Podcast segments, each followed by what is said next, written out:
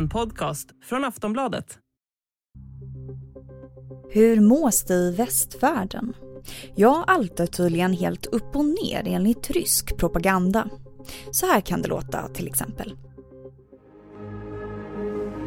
Hi, and what are your preferences in the choice of partner? Look, I'm looking for the simplest, just a normal woman. Excuse me, what? Uh, wait, we have a list of all sexual orientation and genders here. You never know what you're looking for. And Listen, you- you're not understanding me. I just want to see ordinary women, and that's it. ordinary. Ordinary. Oh, not enough. I den här propagandafilmen så söker en man i väst en så kallad vanlig kvinna att gå på dejt med. Men sådana kvinnor finns inte längre i väst. Istället erbjuds mannen 60 olika könsidentiteter och till slut så tvingas han återvända till Ryssland för att finna det han söker. Vidare så dras bilarna i väst numera av hästar. Vi har det så påvert att vi tvingas äta våra egna husdjur till middag. Och barn? Nej, de syns inte på gatan eftersom att det kan förorätta barnlösa personer. Det kan ju tyckas absurt när man hör allt det här, men det är faktiskt exempel på vad som påstås i det ryska propagandamaskineriet. Genom påkostade filmer och så kallade nyhetsinslag så sprids bilden av en västlig värld i totalt förfall där varken den praktiska vardagen eller kulturen fungerar överhuvudtaget. Så vem ligger bakom de här propagandafilmerna? Tror folk verkligen på vad de ser? Var visas filmerna någonstans? Och vad är det galnaste som dagens gäst har sett när han plöjt igenom de här filmerna? Jag heter Vilma Ljunggren och det här är Aftonbladet Daily.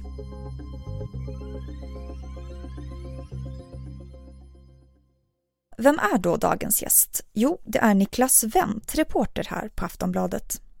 Han har som sagt studerat en stor mängd av dessa propagandafilmer. Vi hör honom berätta lite om vad han har sett. Ja, en av de mer påkostade som man kan se kommer från den här statskontrollerade tv-kanalen RT som hette Russia Today tidigare. Och den börjar ju då med att en europeisk familj firar en vacker och harmonisk jul året 2021. Uh, sen är det klipp till julen 2022 då det istället är helt svart i deras lägenhet och pappan får liksom löda ihop en liten generator till dotterns hamsterhjul för att de ska få igång julgransbelysningen överhuvudtaget.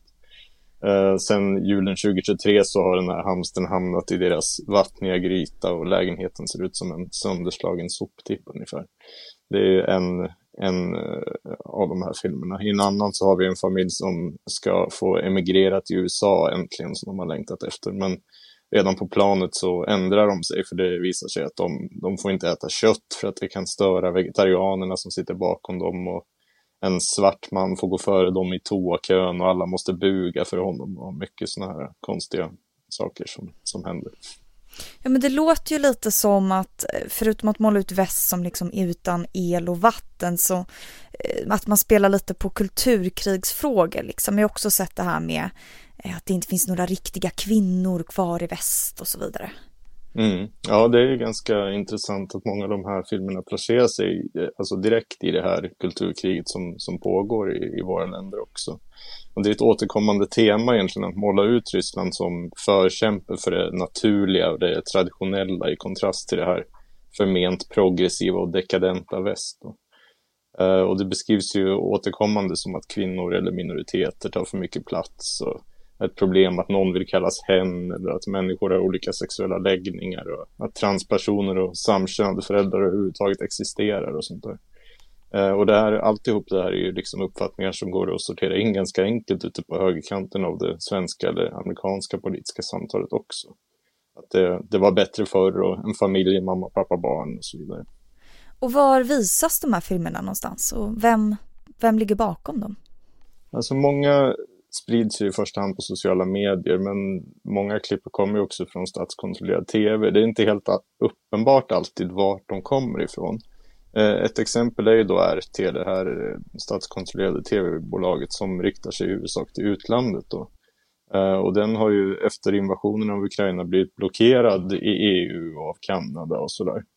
Och chefen för RT, Margarita Simonian, har sagt att de nu har börjat släppa material i olika kanaler utan att ha eh, sig själva som avsändare just för att kunna undkomma den här blockeringen. Och det är en del analytiker som misstänker att, att vissa av de här filmerna kommer från RT utan att det syns. Då. Går det att säga på något ungefär hur många de här filmerna når ut till? Nej, det är nog svårt att säga. Man kan ju räkna visningar och sådär på Youtube, men det är väldigt svårt att veta, alltså sammantaget. Mm. Det är ju lätt att tänka liksom när man hör om de här att, att ingen skulle gå på det så att säga. Till exempel finns det ju en film eh, som menar att den senaste trenden i väst är att barn föds upp i laboratorier och styrs med hjälp av en smartphone. Eh, men, men går folk på det liksom? Tror man på det här? Uh, ja, jag, jag tror väl ändå hoppas att många nog skulle svara nej om man ställde frågan. Tror du att barn föds upp i labb i väst? Men, men merparten av ryssarna har ju fortfarande statskontrollerad tv som sin primära nyhetskälla och de som inte tar del av nyheterna annanstans ifrån har ju marinerats i de här synsätten i ganska många år. Och jag misstänker att liksom den primära poängen är ju att fylla informationssfären med så mycket sånt här konstigt brus att publiken till slut bara kapitulerar rent kognitivt, att de inte liksom kan bedöma varje uppgift för sig.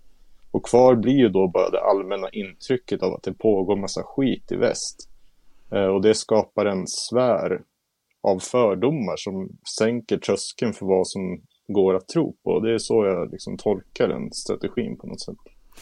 Vet man något om hur mycket det ryska folket konsumerar andra nyhetskällor än just den statliga till exempel? Nej, inte i detalj vet inte jag det i alla fall. Ryssland har ju blockerat ganska många västliga nyhetsförmedlare och i, i våras så stängde man av Facebook och sådär till exempel. Eh, och det går ju fortfarande att få tillgång till det här via VPN-tjänster eller ibland via Telegram eller sådär. Men det är oklart i vilken utsträckning det sker. Eh, det finns vissa uppgifter om att efterfrågan just på VPN-tjänster sköt i höjden efter invasionen. Men, men det är svårt att veta. Så hur viktiga är sådana här propagandafilmer för kriget? Vilken funktion fyller de mer exakt? Ja, det får Niklas Wendt förklara för oss efter pausen.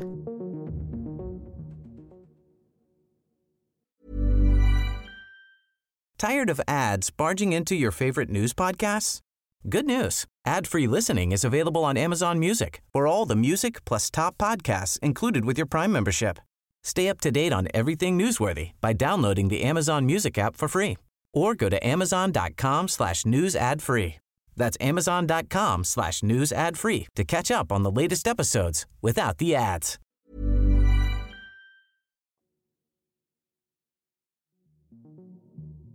Att de ryska propagandafilmerna är noga genomtänkta, det råder det ingen tvekan om. Men vilken funktion fyller de mer exakt för kriget egentligen? Vi hör Niklas Wendt igen. Det finns ju två målgrupper för de här filmerna egentligen. Vissa riktar sig till en och vissa till båda. Men den första är den, den inhemska publiken och där är det viktigt att, att försöka sälja in en bild av att det är väst som lider mest av de här sanktionerna och avbrutna gasleveranserna och sådär. För många ryssar upplever ju ganska knapra ekonomiska tider nu och då, då måste man ju försöka få dem att eh, tro att eh, andra lider mer. Det är viktigt för att på något sätt hålla nere det folkliga missnöjet och känna att man, att man kan uthärda eh, den här kampen då, som det beskrivs som. Sen har man den andra målgruppen och det är ju publiken i utlandet då, i väst i huvudsak. Och där är ju liksom meningen att försöka slå split och, och jobba just med de här kulturfrågorna och konflikterna runt om som redan existerar. Och målet då är ju förstås att krossa enigheten i väst och därmed försöka få stopp på vapenleveranser och sanktioner och sådär.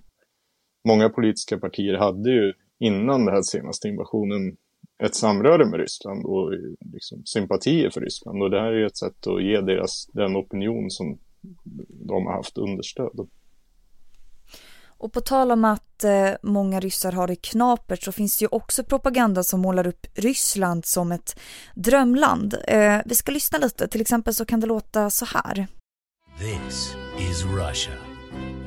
delicious cuisine, beautiful women, cheap gas, rich history, world famous literature, unique architecture, fertile soil, cheap electricity and water, ballet, cheap taxi and delivery, traditional values, Christianity, no cancel culture, hospitality, vodka, economy that can withstand thousands of sanctions.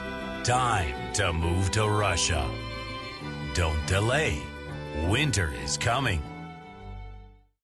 Men i verkligheten så har ju de flesta ryssar sämre levnadsförhållanden än EU-medborgare. Finns det någon medvetenhet om det hos det ryska folket? Svårt att svara på generellt, men jag, det, det förefaller otroligt att de inte skulle veta om det, så att säga. Det är en, en så pass värdetablerad sanning kan det väl inte ha gått att liksom eh, vrida om. Det tror jag inte. Och det känns som att i början av kriget eh, så handlade propaganda mest om att utmåla ukrainare som nazister. Hur skulle du säga att propagandan har utvecklats sedan dess? På ett sätt har den ju varit eh, ganska konsekvent. Just det, dels det vi pratade om innan, att, eh, att Ryssland är garanten för traditionella värden och alla de här värdeorden som den här konstiga reklamfilmen använder med vackra kvinnor, traditionella värderingar, kristendom och så vidare. Eh, och sen lägger man ju ganska stor möda nu i, i ryska tv-sändningar och måla ut det som att kriget står mellan Ryssland och hela västvärlden. Och det bygger också på en historia som man försökt berätta länge om att ja, det var väst som egentligen låg bakom hela Majdan-revolutionen i Ukraina och att NATO ska ha brutit löften och utvidgat österut på ett farligt sätt och sådär. Så den här tematiken är ganska konstant, men nivån har ju skruvats upp en hel del på det stora hela då, hur lyckade skulle du säga att de här propagandafilmerna är? ja, de här som är riktade till väst blir ju på något sätt, eh, de tror jag inte är så himla framgångsrika eftersom de är så himla överdrivna och alla kan ju på något sätt se sig om eh, och eh, ja, se att de inte stämmer helt enkelt. Vi vet ju att vi har ju precis genomlevt liksom, julen 2022. och Vi vet att det inte var mörkt och att vi inte behövde koppla elen till hamsterhjul och sådär. Så det, där tror jag inte... Jag tror de skulle ha mer framgång med ett lite mer avskalat berättande som, som eh, kan eh, vinna sympatier i de läger som man vill nå. och om du måste välja något av allt det som du har sett, vad är det galnaste? Svårt, det är så mycket som är en jätte, jätte, jätteknäppt. Ja. Men på något sätt det obehagligaste är kanske den här nyårssändningen som, som man har kunnat se från rysk stats-tv för att den så skamlöst iscensätter den här fiktiva världen som propagandan har målat upp som verklighet. Att de, de känner inte ens något behov av att adressera frågan om hur kast väst är eller huruvida Ryssland verkligen är paradiset på jorden. För det är bara underförstådda basfakta som alla kan förhålla sig till. Så det är ganska obehagligt att se en sån parallellvärld på något sätt eh, spelas upp. Och hur farligt skulle du säga att det här är? Ja, nej, men det är ju väldigt farligt. Det gör ju liksom alla lösningar också på, på de konflikter som finns väldigt mycket svårare att uppnå. Alltså man, om man lever i helt olika världar så är det ju mycket svårare att nå fram till varandra. Och det märker vi ju i hur, hur våra samhällen också delas ganska mycket, som man har pratat om ganska länge. Att uh, verklighetsuppfattningarna skiljer sig åt väldigt starkt mellan, mellan höger och vänster. Och det, det här är ju den, den utvecklingen uppskruvat till 11. Uh, så att det är ju det är ju farligt. Tack så jättemycket för idag. Tack. Det här var ett avsnitt av Aftonbladet Daily med Niklas Wendt, reporter här på Aftonbladet. Jag som gjorde det här avsnittet heter Vilma Ljunggren och vi hörs snart igen.